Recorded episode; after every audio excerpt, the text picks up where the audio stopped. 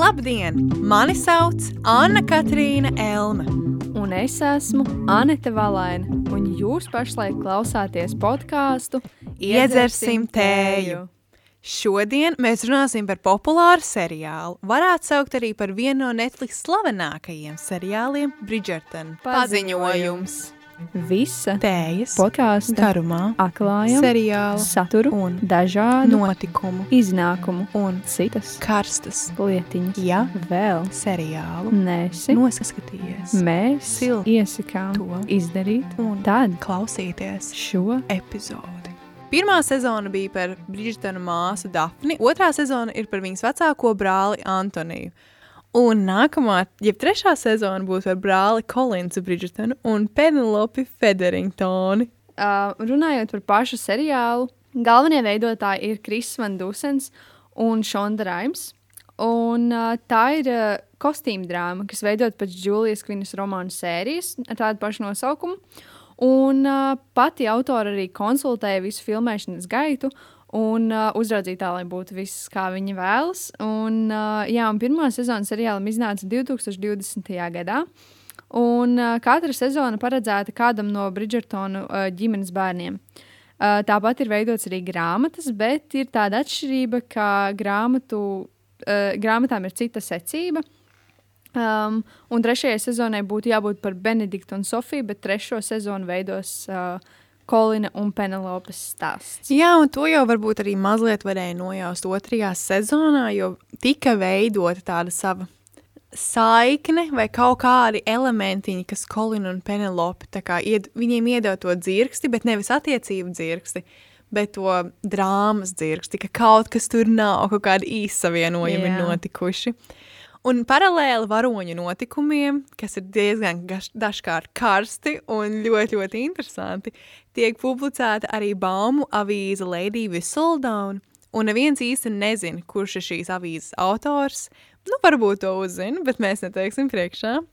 Un tajā tiek aprunāts visas svarīgākās stēnkas un atklāti noslēpumi, un autora nemaz ne, nebaidās minēt šo cilvēku vārdus. Un, eh, jā, un šo avīzes balsi ir ierunājusi neviena cita kā Džulija Andrūsa, kuru mēs atpazīstam no filmām kā mūzikas skaņas un princesa dienas grāmatas un daudz ko, daudz ko citu. Un varbūt pirms mēs sākam runāt par visādām filmu stējām un kaut ko tam līdzīgu, mēs varētu parunāt par to, kā mēs vispār nonācām līdz šī seriāla skatīšanai. Anēt, kā tu nonāci līdz šī seriāla skatīšanai? Um, interesanti. Es, um, es, protams, biju dzirdējusi par seriālu, bet es zināju, ka mm, es nezinu, vai es gribu skatīties. Un, uh, un tad vienā jaukā dienā Anna mani pierunāja, Es. ka man obligāti ir jānoskatās šis seriāls, jo nekā labāk cita pasaulē nav. Jā. Un, uh, un, jā, un tā es noskatījos, un īstenībā nebija slikta izvēle. Um, jā, es arī es esmu tāds liela, es esmu liela, liela, liela kostīmu filmu, drāmu fane. Man ļoti, ļoti patīk ieskatīties vecajos laikos, un šajā seriālā ļoti labi apvienot vecie laiki ar mūsdienām, jo arī popmūzikas faniem nav seriālā spēlē klasisko mūziku un instrumentācijas daudzām pazīstamām dziesmām, kā Bad Guys un uh, kas tur vēl nav, es nevaru atcerēties. bet- Harry Styles. tur bija. Jā, nu viss kaut kam. Un, jā, un es šo seriālu ļoti ātri noskatījos pirmo sezonu. Un es nespēju sagaidīt otro sezonu. Un, es, un Anetē būs arī par šo viedokli savs, bet es zinu to, ka pirmā sezona man bija tāds, wow, šis ir superīgi. Nu, man, es nebiju redzējis tādu kostīmu drāmu, kur nu vēl seriālu. Un es otro sezonu gaidīju ļoti, ļoti cītīgi. Noskatoties to, es nebiju vīlusies. Man ļoti patika, ka viņi nepaņēma to pašu recepti un neturpināja varbūt tikai to kaisli un to, tādas emocijas. Bet viņi ļoti, man patīk, kā viņi apspēlē ģimenes tematiku, emocijas, visādas traumas. Tur tik daudz ir iekšā, ne tikai romāns. Un tā kā romantika, kā, nu, es nezinu, jā. Jā, man, man arī tā kā bija interesanti. Ļoti, ļoti, īstenībā bija ļoti interesanti skatīties. Um, bet man bija tā, ka es skatījos abas sezonas uh, uzreiz, kad jau bija iznākusi arī otrā sezona. Un es, protams, skatījos savā lēnajā tempā, kā es vienmēr daru. jo mm, es nevaru noskatīties visu uzreiz. Kas bet, neesmu es? bet um, man vairāk patika pirmā daļa, jo pirmā sezona.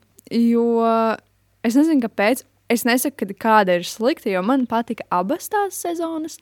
Un jā, manī saglabājās vēl joprojām tās, tās labās emocijas no pirmās sezonas, un, uh, bet es nesaku, ka man nepatika otrā. Viņām ir savādākas intensitātes. Tā kā katrā sezonā ir kaut kas cits paņemts. Un, protams, ka pirmā sezona tāds wow, šis ir kaut kas jauns.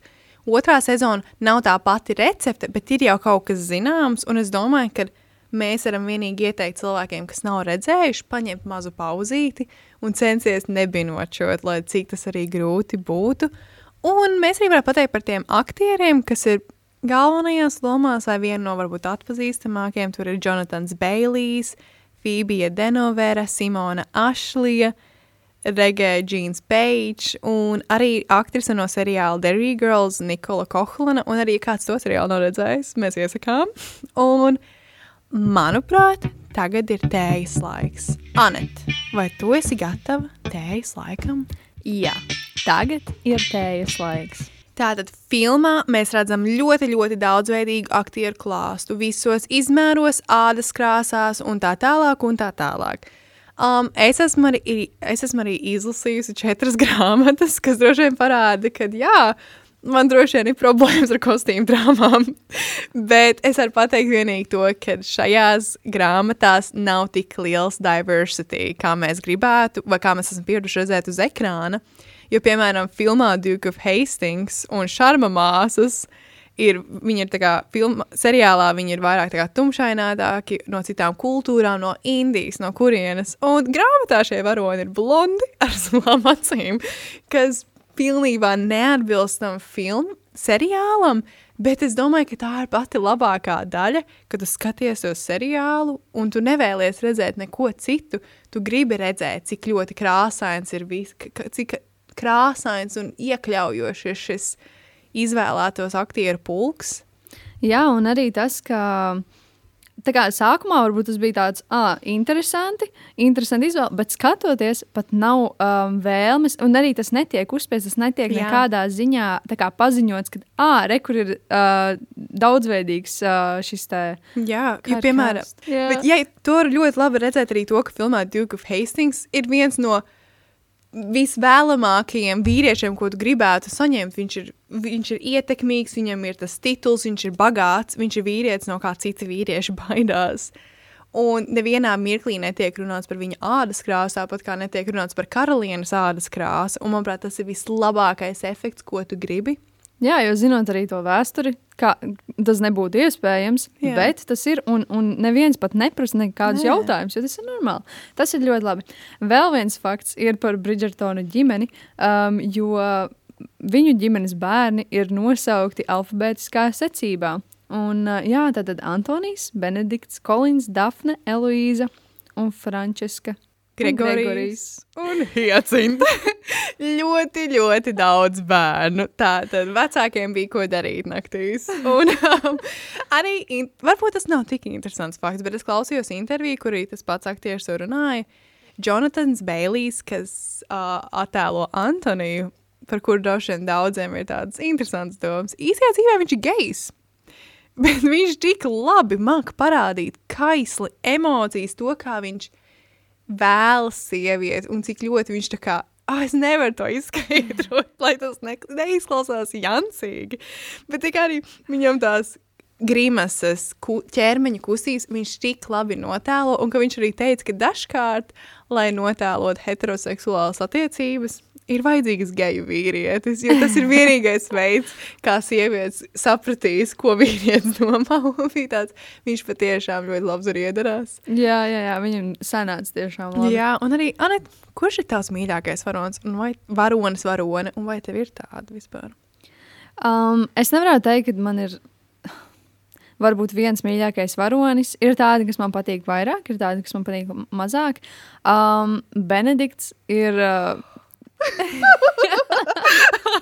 Viņa vārds manās ausīs.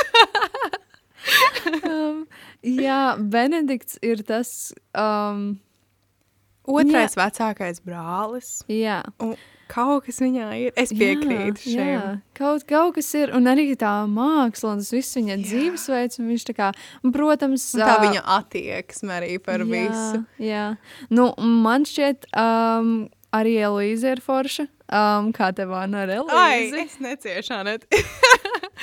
um, jā, nu, tā kā, kā Anet teica par Benediktu, tas ir viens no maniem mīļākajiem varoņiem. Bet droši vien tā kā skatoties, kurš no, nu, zin kā, vienmēr atrod tās savas simpātijas, tās tas, kas man pievelk, un viņa attieksme, pirms tā, kad bija aina, kad viņš bija high, tas bija tik funny. Nu, es nespēju noticēt tam, vai cik viņš ir socially awkward un tā tālāk. Un jā, nu, kā jau An- Anita minēja, ka viņai patīk Eloīza, es teiktu, ka es ļoti daudz no sevis ieraugu, ieraugu tajā varonē, jo man patīk, kā viņa stājas pretī kaut kādām normām. Viņa nevēlas, kā viņai neinteresē, ka ir kaut kādi noteikumi vai kaut kādi standarti. Viņa saka, bet nē, es, es nesaprotu, kāpēc tā. Nu, viņa ļoti s- viņa nosaista sieviešu pozīcijā. Viņa cenšas saprast, viņa vēlas to vienlīdzību. Un, jā, un viņa arī vēlas nevis vienkārši attiecības, attiecību pēc, bet ja viņa kādreiz iemīlētos, viņa apprecētos.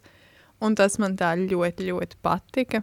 Jā, no tā mēs varam nonākt arī um, uz tām normām, kas ir paredzētas, kā, piemēram, kas vēsturiski ir kā, mums Jā. paredzētas. Un, un, jā, un viņa par to visu cīnījās. Un, un, uh, gribēja vienkārši dzīvot tā kā, lai, kā viņa grib. Bet, Un- protams, viņai tas ir vieglāk, jo pat ja viņa neaprecētos, viņai ir ģimene, kas viņu atbalstītu. Un Jā. sievietēm tajā laikā, un varbūt bieži vien mūsdienās, kas ir no zemākas kārtas, ja mēs vēl tā varam teikt. Tad nu, tā dzīve nav tik viegla kā viņai. Jo, protams, ka tā ģimene ir viena no ievērojamākajām un dzīvēm. Protams, ka viņiem ir tie savi plusi. Bet, kā, atgriežoties varbūt mazliet atpakaļ pie pirmās sezonas, mēs varam pateikt to, ka jā, pirmajā sezonā vecākā māsa Dafne. Māsa Dafne kļūst par sezonas dimantu, kas ir tā kā visiekāramākā pozīcija tajā sociālajā dzīvē.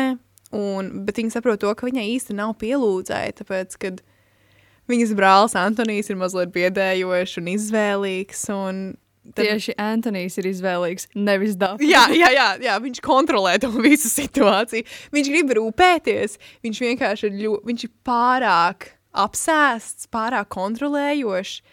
Bet man liekas, ka to ļoti labi izskaidro otrajā sezonā, kāpēc viņš ir tāds. Bet atgriežoties atpakaļ, un jā, un tad viņi sarunā ar hercogu Hastingsu, kad viņi tā izdomā to savu plānu, kad viņš iz, izliksies, ka viņš ir viņā iemīlējies, un ka viņš tā kā viņu kādu, es nezinu, kas ir latviski, bet korto to visu laiku teica. Un ka viņš dabūs pretī to, ka viņš izskatīsies aizņemts visām mamītēm, un ka neviens viņam neuzbāzīsies. Jo šajā se seriālā ļoti parādīja to, cik ļoti mamām ir spēks un cik ļoti viņas visu kontrolē šajā dzīvē. Bet beigās jau notiek tas, ka viņi negribot viens otrā iemīlās. Viņiem ir tās saiknes. Hastingam ir aina, kur viņš laiza karot, un Dafne gandrīz noģīvst. Vai viņi ieraug viņa rokas boxā, un tad, damn, šis nav pareizi. Jā, un lai arī tas ir tas parastais scenārijs, kas, kas jau Mm. mēs zinājām, ka tas notiks, mēs visi zinājām.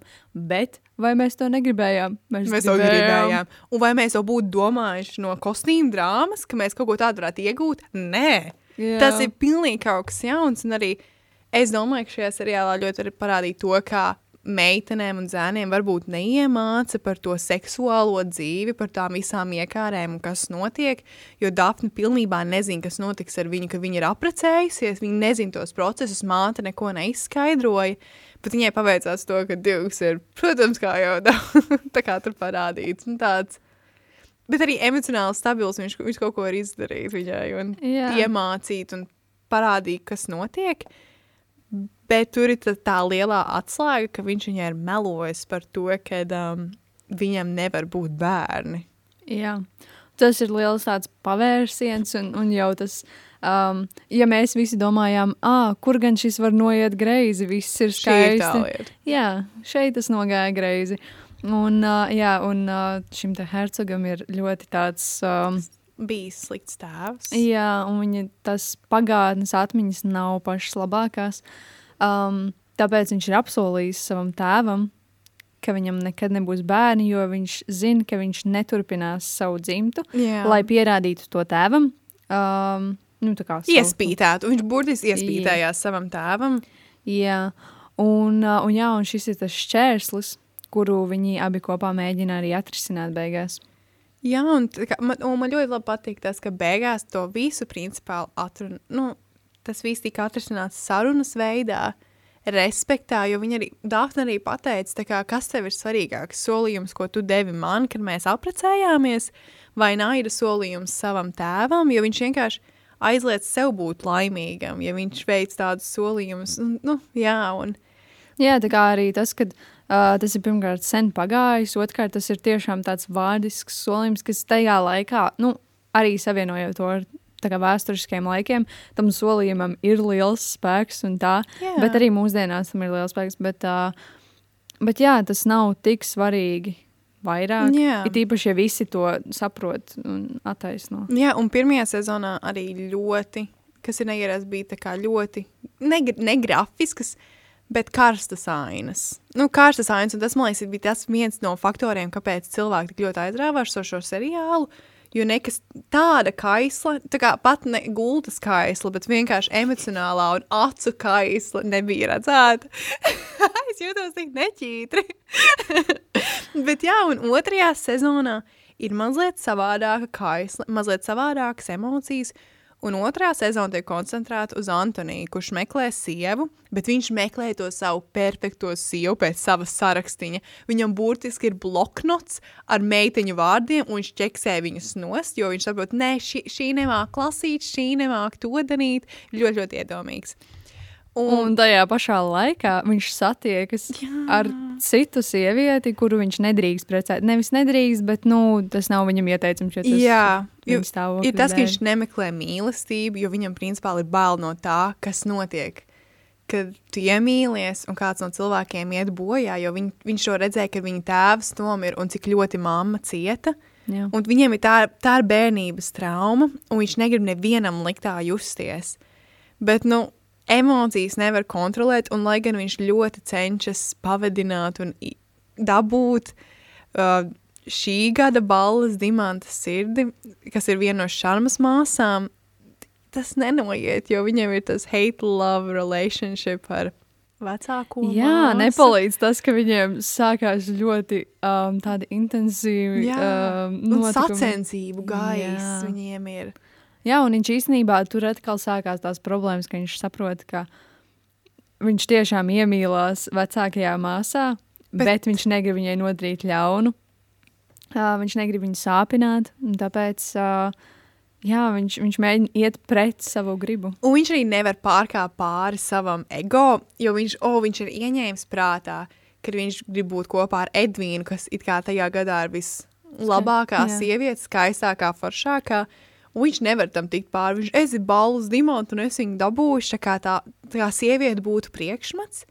Bet tas, es domāju, ka tas ir tikai tāpēc, ka viņam ir tā trauma, ko akcentēja un kā tas viss pamainās. Es ļoti nosājos jo, viņa pusē. Vajag attaisnot. Jo viņu vajag attaisnot, bet es domāju, vienkārši seriāla beigās, nu, tu saproti, kāpēc viņš tā rīkojas. Un dažkārt, man, manuprāt, viņam palīdzēja sarunas ar māmu, jo varēja redzēt, nu, kad Viņš, viņam vienkārši bija problēmas, kas nebija atrisinātas. Jā, no otras puses ir labi, ka parāda tās problēmas, tāpēc, ka, nu, piemēram, ja neparāda to stāstu, Jā. mēs nezinām, kādus iemeslus, un tad tas jau arī tas, ka parāda visas stāsta puses, un tad mēs varam to Jā. vērtēt. Bet kā... tas viņu neataisno. Tas manuprāt, ļoti, ļoti nejauki, ka viņš izmanto cilvēkus. Nu, tā kā emocionāli izmanto, jo cilvēks nezina, vai var paļauties vai nē. Un, jā, nu, un kā tad beigās ir tas, ka Antonijs jau ir pie altāra ar viņas māsu Edvīnu, un tad beigās tāds, wait. Un pārējo mēs varbūt jums nestāstīsim, jā. bet mēs varam pateikt to, ka arī šajā sezonā bija ļoti forša palmāla spēle, kas ir viņiem kaut kas līdzīgs kriketam, man liekas. Jo tur tā kā tu var redzēt Antoniju dusmīgu un Keitu ar savu sacensību garu. Un man ļoti, ļoti patika vispār Keita, tāpēc, ka Viņai bija tāds, man neinteresē, ko cilvēki domā par mani. Es ar savām kurpēm kāpšu dubļos, es būšu agresīva, es uzvarēšu, es sacentīšos, un man vienmēr ir taisnība. Man ir tāds, you go, girl, ka nebija tāda meitene, kur domā, mm, vai man šodien izskatās labi mati. Nu, tā kā Jā, un kaut gan Oh. tas nav slikti. Bet Nē. Vienkārši tā, ka. Uh, Bet ir viņa tā, dažādība. jā, ja viņi tā kā negrib, tad viņi, viņi dara, ko grib. Jā, un tā kā viņa pirmajā sezonā bija tāds, wow, šī kaisla, šīs ainas un seksuālā pievilkšanās. Otrajā sezonā vairāk fokusējās uz tādām, nu, tādām iekšējām sāpēm, Jā, emocijām, kādām traumām, jā. vai ko viņi netiek galā. Jo es nezinu, kā to izskaidrot, bet tad, kad Antonius elpo un tie viņa skatieni, ka viņš it kā cenšas sevi savaldīt, es nebiju neko tādu redzējusi. Ui, es nevarēju, es tieši ar muti vaļā skatījos, jo tu notici. Tu patiešām notic, ka viņš viņu tik ļoti grib. Un tad tev liekas, jautājums, vai mums dzīvē kādreiz ir tādi cilvēki, kas tik ļoti mūs grib? Sorry. Pasaka kaut ko stulbu, lūdzu. Es nevaru saprast, ko es varu piebilst. Jā. ok. Tur turpināt. Jā, un, un tāpēc arī um, šis seriāls ir uh, kļuvis arī populārs, tāpēc, ka ir tās mazās ainiņas, ko var um, izgriezt un parādīt, piemēram, dažādos sociālajos mēdījos, un tad visiem ir tāds, oh, jā, šī bija tā, kas man pievilināja tā aina, jā, jā, tas ir um, nu, tā kā ļoti, ļoti padara interesanti skatīties. Um, bet, uh, jā, bet uh, tas pats fakts, kad, uh, ka tā ir kostīm drāma, tā ir, uh, tas ir seriāls par vēstures notikumiem. Um, un, jā, un to sabiedrību un tā tālāk, bet uh, romāna autora, kas ir Julija Kvina, viņa ir teikusi, ka Bridgerton nav vēstures stunda, un tas ir seriāls, kas veidots uh, modernai publik publikai. Un uh, tas nav vēsturiski precīzs seriāls. Nu, labi, to mēs varējām redzēt arī pēc aktieriem un viss pārējā. Bet, uh, bet jā, tam nav jābūt tā kā vēstures uh, liecībai vai kaut kam tam līdzīgam, jo vienkārši cilvēkiem, kas, kam patīk skatīties kostīmu drāmas, šis ir tā kā modernā versija. Jā, šis tas, un ko mēs arī- esam gaidījuši. Jā, un tas ir arī reāli. tas interesantais. Un, uh, jā, un šajā kostīmu drāmā um, sievietes vērtību nosaka pēc attiecību statusa, ģimenes stāvokļa sabiedrībā un uh, galvenokārt arī izskata, kas ir, nu, es teiktu, ka tas, kas nāk no tām vēstures vērtībām. Jo nu, tā vienkārši bija agrāk. Un, uh, jo, piemēram, Penelope, uh, nu, viņu varēja saukt par, par to blakus stāvētāju, viņa neatbilst skaistuma standartiem. Un, uh, Māte viņu ģērba tajās trakajās, dzeltenajās kleitās, kas vispār nu, tā kā nekādu labumu viņai nedara. Tas tā kā Jā. nu, viņi varēja izvēlēties kādu citu krāsu, ak, Dievs. bet, uh, bet jā, tas ir tas, kas uh, nu, tas tik ļoti izceļ Viņas, tas izceļ it kā viņas neglītumu. Ja Jā, tā tāpēc, ka, tāpēc, ka vienkārši. Um, nu, jā, tā krāsa, tā kā man vispār, nu, dzeltena krāsa ir. Nē, traka. un viņai vēl, viņiem vēl tie izteikti sarkanīgie mati. Nu, neizskatās labi. jā, tā kā vienkārši, nu, varēja, varēja būt labāk. Jā, bet es domāju, tas būs tas pavērsiens trešajā sezonā, mm. -hmm. kad viņi beidzot uzvilks nu, kaut vai kleitu, kas viņai Es piestāv. dzirdēju kaut ko par zaļo krāsu. Jā, jā. Un tas būs arī nu, tas būs viens no tiem pavērsieniem, ka Penelope beidzot paņem savu dzīvi savās rokās, es domāju, un kļūs vairāk pašpārliecinātāka. Un, nu, un tad viņa beidzot atvērsies, jo mm, tā nav tikai citu cilvēku vaina. Viņa pati vienmēr viņa ir nostādījusi sev malā stāvētāju vidū, un viņa neiet socializēties. Protams, viņa ir labākā draudzene Eloīzu, un tas iedod viņai kaut kāda veida bonus, jo Bridžetona ģimene vienmēr viņu aizsargā. Bet viņa aktīvi neiesaistās, un ne jau visi cilvēki ies nu, pie tevis Jā. runāties. jā, jo tā kā gudrība jau viņa ir un viss viņai ir, kā jau visiem. Tā kā, Nu, jā, un ja Penelope visu laiku redz tikai caur viņas izskatu, apaļīgumu, neapaļīgumu, un vai cik viņa ir neiederīga. Otrajā sezonā, piemēram, Keitu Šarmu ļoti, ļoti redz no vecuma skatījuma. Nemaldos, viņa ir 26 vai 27, un viņa ir neprecēta, un tas liekas ļoti, ļoti nepieļaujami. Nu, tā kā viņa jau ir kā uz mūžu vientuļa atstāta. Vecmeita, jā. Un Elīze vienmēr arī skatās no tās augstās ģimenes. Nu, tā kā viņa nevar izbēgt no tā, un jo viņa arī otrajā sezonā ir tāda kā varbūt mīlas dēka interese. Jā. Puisī, kas kā, ir no zemākas ģimenes, no zemākas klases, viņš strādā, nu, cenšas iztikt ar kaut ko. Tāpat arī- neatļauts. Jā, un tāpat arī izceļ tās privilēģijas tajā pašā laikā. Jo tā kā Eloīza var uh, gribēt to, ko, nu, kas viņai ir izdevīgāk, jo tad viņas saka, ka nē, es gribu apprecēties mīlestības dēļ, citiem tādas iespējas nav. Arī Jā. tad, kad viņa gāja satikties ar to uh, savu puisi, nu, Nu, jā. savu mīlas interesi.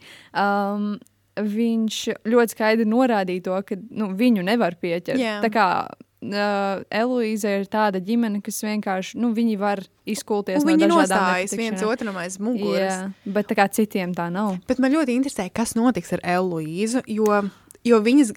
Nu, grāmatā, oh, es vispār esmu izlasījis piecas Bridžetina grāmatas, ja tā ir tā runāju. Jo es izlasīju piekto par Eloīzu arī. Un tajā grāmatā viņa apprecās ar to, ar savu Spoileri? Nu, tas, nu, jā, nu, jā, ar citu vīrieti, kas nav šis, kas tagad viņai ir tā mīlas dēks. Un es, Spoiler es alert. ļoti atvainojos. Disclaimer. Please. Bet jā, un man, man, un man rodas tas jautājums, kas notiks ar to puisi, un vai viņi nomainīs viņas stāstu pilnībā? Nu, kad uztaisīs viņu par tādu ļoti, ļoti labu tā laika feministi. Jo tā, nu, tas man liksies interesanti, Jā. ko viņi izdarīs ar viņu. Uh, un jā, un šī, šīs seriāls arī teorētiski parādīts tās dzimumu lomas. Kaut kādā brīdī vīrietis ir galvenais, vīrietis ir nama galva, bet Un viņš manto īpašumu. Jā, bet ir tās dažas ģimenes, kur tā kā, nu, ir tās sievietes, kurām neviens nepratosies. Visi vīrieši vienkārši nostāsies. Un, jā, jā. Jā, tas tā kā. Tā kā, Nezinu, kurā sezonā Antonius centās kaut ko panākt. Ah, jā, lai Dafnē nebūtu jāprecās ar to šausmīgo veco kungu, jo viņš tā kā īstenībā ir ritīgs perverts un viņš viņai uzmācās arī.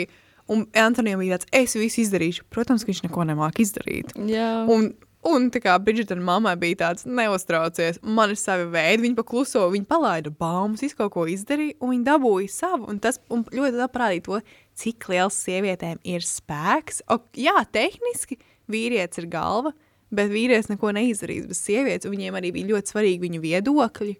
Nu, kā, un tas ļoti parādīja arī Bridžetina ģimenes tās vērtības. Nu, man likās. jā. Nu, un jā, es domāju, šajā seriālā arī ļoti labi parāda disfunkcionālu, funkcionālu ģimeni. Nu, kādas ir, ka jūs esat tik ļoti daudz un dažādi, katram ir tās savas problēmas, bet dienas beigās visi viens otru atbalsta. Ir, visi ir vienā pusē, viņi var smieties, apbežot. Nu, un skatoties, tev ir smaids sejā redzēt to ģimeni, tās attiecības, varbūt maza skaudība vai kaut kas nākotnē, ko tu gribētu. Jā, jo tā kā, nu, labi, es esmu vienīgais bērns ģimenē, tāpēc man vispār skatīties uz um, ģimeni, kurā ir nezinu, cik bērni. Tā kā tas ir interesanti, jo dažkārt jau ir tāds dīvaini pašai par sevi. Bet, uh, bet jā, tas, ka tajā tiešām tur ir izcelts arī katra tā cilvēka, nu, labi, varbūt mazāko bērnu ne tik ļoti, bet ir izcelts katra tā. Mm, Māsas vai brāļa, tā kā tā personība un kā viņi tur sa sajiet kopā. Un, un tas ir jauki to skatīties. Jā, un arī viņa šajā filmā arī pieskārās tēmai kā traumas un trauksmes un nu, emocionālās atmiņas. Jo, piemēram, bija aina, kur Antonijs redz, ka Keitā iekož bita, mm -hmm. un viņš pilnīgi sāk trakot. Nu, tā kā viņš, viņam ir panikas lēkme.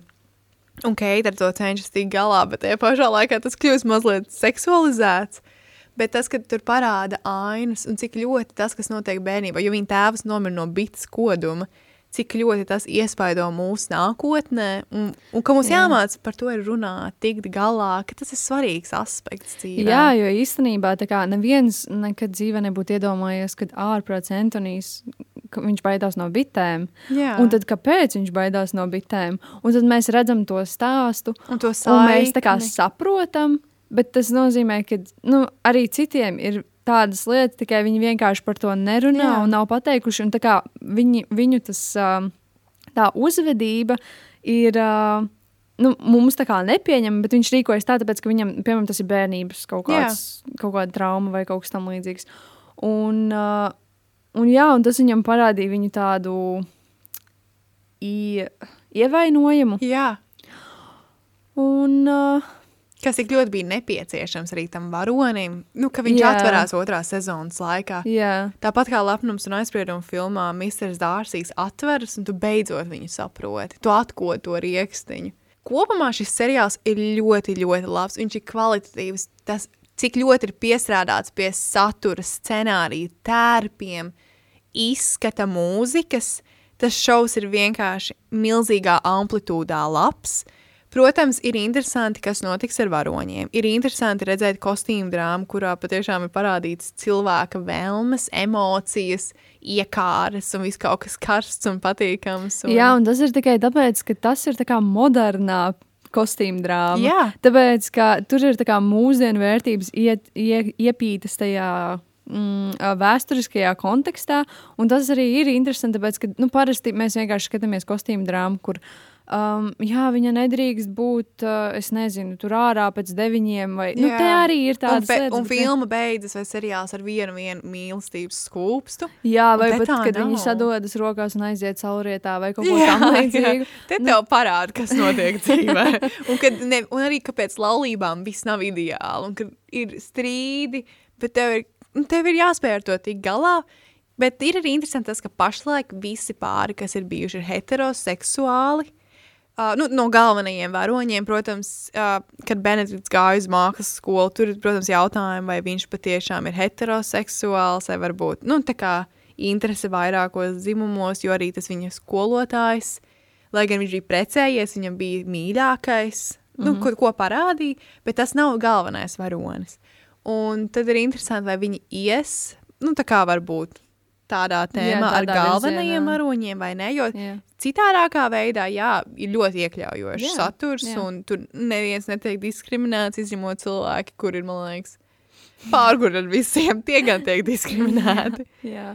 Bet, jā, man kopumā šis seriāls ļoti, ļoti patīk. Tas ir viens no maniem mīļākajiem seriāliem, kur redzēju, ka tas ir piecas grāmatas, kas kaut ko par to pasaka. Un, Jā, un uh, es arī es piekrītu tev. Uh, man arī man bija interesanti skatīties, es neesmu seriāla cilvēks. Īstenībā es pat noskatījos to seriālu salīdzinoši ātri, un man patika. Um, nu, ja viņi nebūtu noskatījusies, mūsu draudzība būtu beigusies. Joks. bet uh, cik tu domā dot tejas maisiņus? Ah, šis ir tik grūti. Es tieši tagad sēdēju un domāju, um, vai es drīkstu likt maksimumu? Es nezinu. Tu drīksti. Jā. visu. Es domāju, ka es šai filmai dotu visu tējas paku. Kas ir kvots no Mārtiņa Grāvīša epizodes. Ja es dotu desmit tējas maisiņus. Okay. Um, es, uh, es nezinu, es domāju, es varu iedot deviņus, jo es zinu, ka viņiem ir iespēja augt. Jā, nu, man apmierina jau tagad. Bet jā, tā kā mēs jums ļoti iesakām noskatīties šo Jā. seriālu. Un, ja jūs noskatāties, droši varat sūtīt mums savas atsauksmes, iespaidus, un kā jums Tieši likās. tā. Un vai, jums, vai jūsu domas atbilst mūsu domām? Jā, jā vai jūs jā. piekrītat, nepiekrītat jebkādas domas? Jā, un tad jau tiekamies nākamajā epizodē. Un viens, divi, trīs, atā!